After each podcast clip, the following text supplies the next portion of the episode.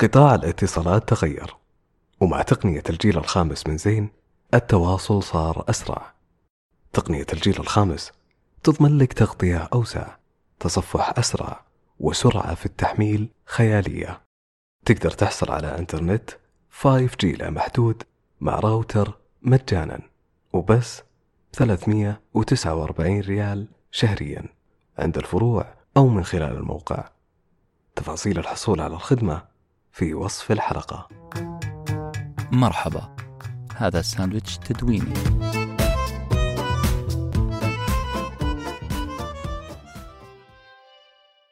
أنا ما يهمني كلام الناس. هذه الجملة سمعناها كثير ومفادها إن دافعيتي لعمل الشيء نابعة من داخلي وأي انتقاد أو مدح ما راح يأثر فيني. كلنا نقولها من باب التجمل التحدي. الإصرار. صحيح. لكن هل فعلا إحنا قد كلامنا؟ وهل نقدر فعلا نعمل شيء ونرمي كلام الناس ورا ظهرنا؟ ما أعتقد في إنسان استطاع تحقيق هذا المبدأ لأنه مبدأ شاطح شوية. الناس يهمونا وكلام الناس يهمنا فعلا. لكن الحقيقة تقول أننا كلما استطعنا تدريب أنفسنا على أن يكون دافعنا نابع من الداخل كلما استطعنا تحقيق انضباط داخلي أكبر. بمعنى آخر مو كل كلمة تودينا وتجيبنا بل هناك إطار تشجيع وإطار تطوير وإطار انضباط هو اللي يحكم مسيرتنا. خلونا نفصل في هذا الكلام النظري أكثر وأكثر. المؤلف دينيس كون.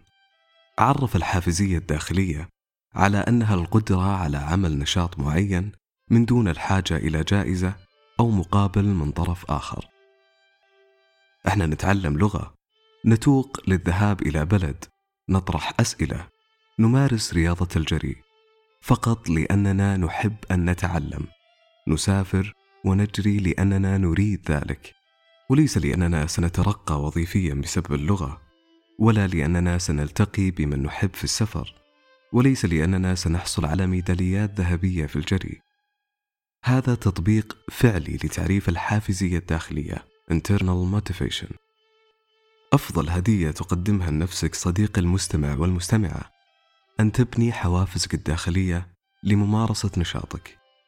حافز داخلي يعني عندك اكتفاء ذاتي تستند عليه عندما لا يوجد دعم خارجي. اكتفاء ذاتي بمحفزاتك الشخصية. يعني لن يمنعك شخص من فعل ما تريد أن تفعله مهما كانت المؤشرات الخارجية غير مشجعة. يعني لو قطعوا عنك الماء والكهرباء لو أقنعك مليون شخص بأنك لست مؤهل لفعل ما تفعله بأنك ستتوقف في أي لحظة أنت عندك مخزون تحت الأرض تستطيع الاتكال عليه في أحلك الظروف. حافز داخلي. يعني أن تقف في وجه الجميع مبتسما وتقول مو بكيفي ولا بكيف الظروف أنا سأفعل ما أريد فعله. ما راح أكذب عليكم. الحافز الخارجي مهم بل مهم جدا. لما أتمرن وأحرق دهون وأبني عضلات وأجهد نفسي ساعة أو اثنين طبيعي أني أقدر أكمل هذا المجهود كلما تراءت أمامي صورتي وأنا مجسم. ونظرات الإعجاب تحيطني طبيعي أن تتحفز أي فتاة للتمرين وهي تتخيل كيف أنها ستمطر بعبارات الثناء على جسمها المنحوت. إحنا بشر في النهاية، وكلام الناس أكيد له دور في تشكيل صورتنا عن أنفسنا. وبعض الأحيان في تقديرنا لذاتنا. نعم نحتاج أن نحيط أنفسنا بأناس مشجعين، ولكن الكتاب يقول أن الاتكال على التحفيز الخارجي. سلاح ذو حدين. لأن التحفيز الخارجي ممكن في لحظة يتوقف. إما لأن هناك من أثار الإعجاب أكثر منك أو لأن الطرف الآخر بخيل في عطائه اللفظي وتطميناته ومدحه. بالعربي التحفيز الخارجي هو إعطاء ريموت انضباطك الذاتي وثقتك في يد الآخرين. والسؤال هنا ليه أسلم الناس ريموت حياتي؟ كنت أكلم أبنائي عن موضوع التحفيز الداخلي وأنه كنز لابد تبدأ تبحث في دواخلكم عن الحافز الداخلي لكن عيون أطفالي كان فيها سؤال صارخ يقول وكيف أعرف أن عندي دافعية داخلية أو لا؟ هذا السؤال مهم جدا جدا يا جماعة أي نشاط نحبه قد يتحول إلى روتين ونبدأ نزهق منه. لذلك إن كنت تحب ما تعمل فلازم تحافظ عليه. لازم توفر لهذا النشاط كل العوامل اللي تخليه يبقى حبيب قلبك. لازم توفر له البيئة الحاضنة اللي تخليه يبقى نشاط ذو تحفيز داخلي. من الآخر لازم تخلي هذا الروتين شيء ممتع لك. أنت لازم تتحول لمدرسة كلها لعب فن وهندسة هندس الظروف اللي تخلي نشاطك محفز وأخلق محفزات خارجية بيدك لا بيد عمر كتاب The Power of Habits في كلام كبير جدا عن تحويل الروتين إلى متعة يومية. ركزوا لي في الكلام الجاي. أي روتين في الدنيا عبارة عن دائرة من ثلاث عناصر. العنصر الأهم هو النشاط الروتيني. وخلينا نقول الجري في حديقة الحي. هذا روتين نفسك تثبته في برنامج حياتك.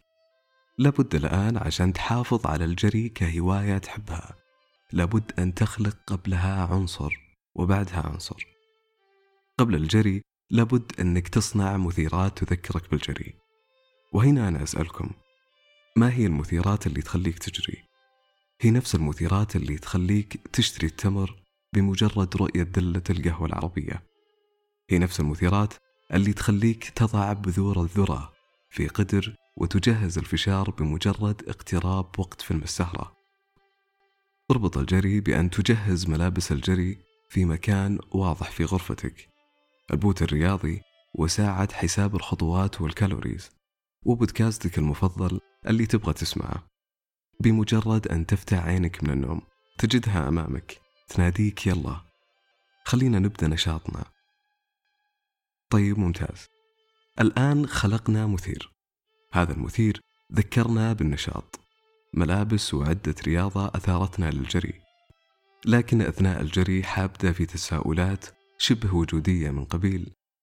ليه متعب نفسي.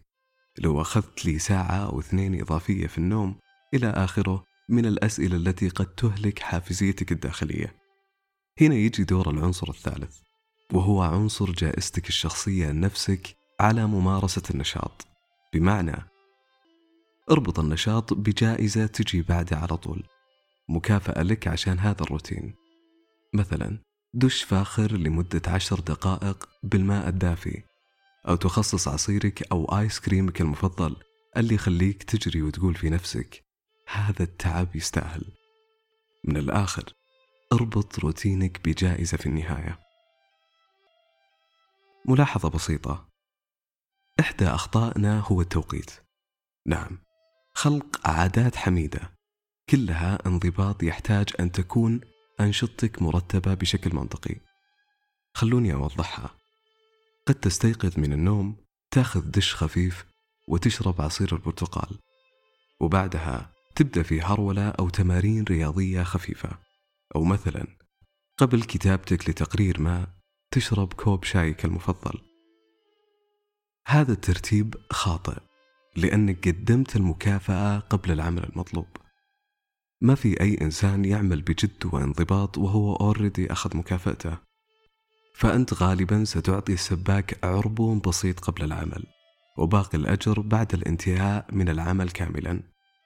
لو سألت شخص كبير من عائلتك عن هذا الموضوع راح يقول لك معظم الناس لو ضمنوا مستحقاتهم فإن انضباطهم والتزامهم معك سيضعف بنسبة كبيرة إلا من رحم ربي طبعا.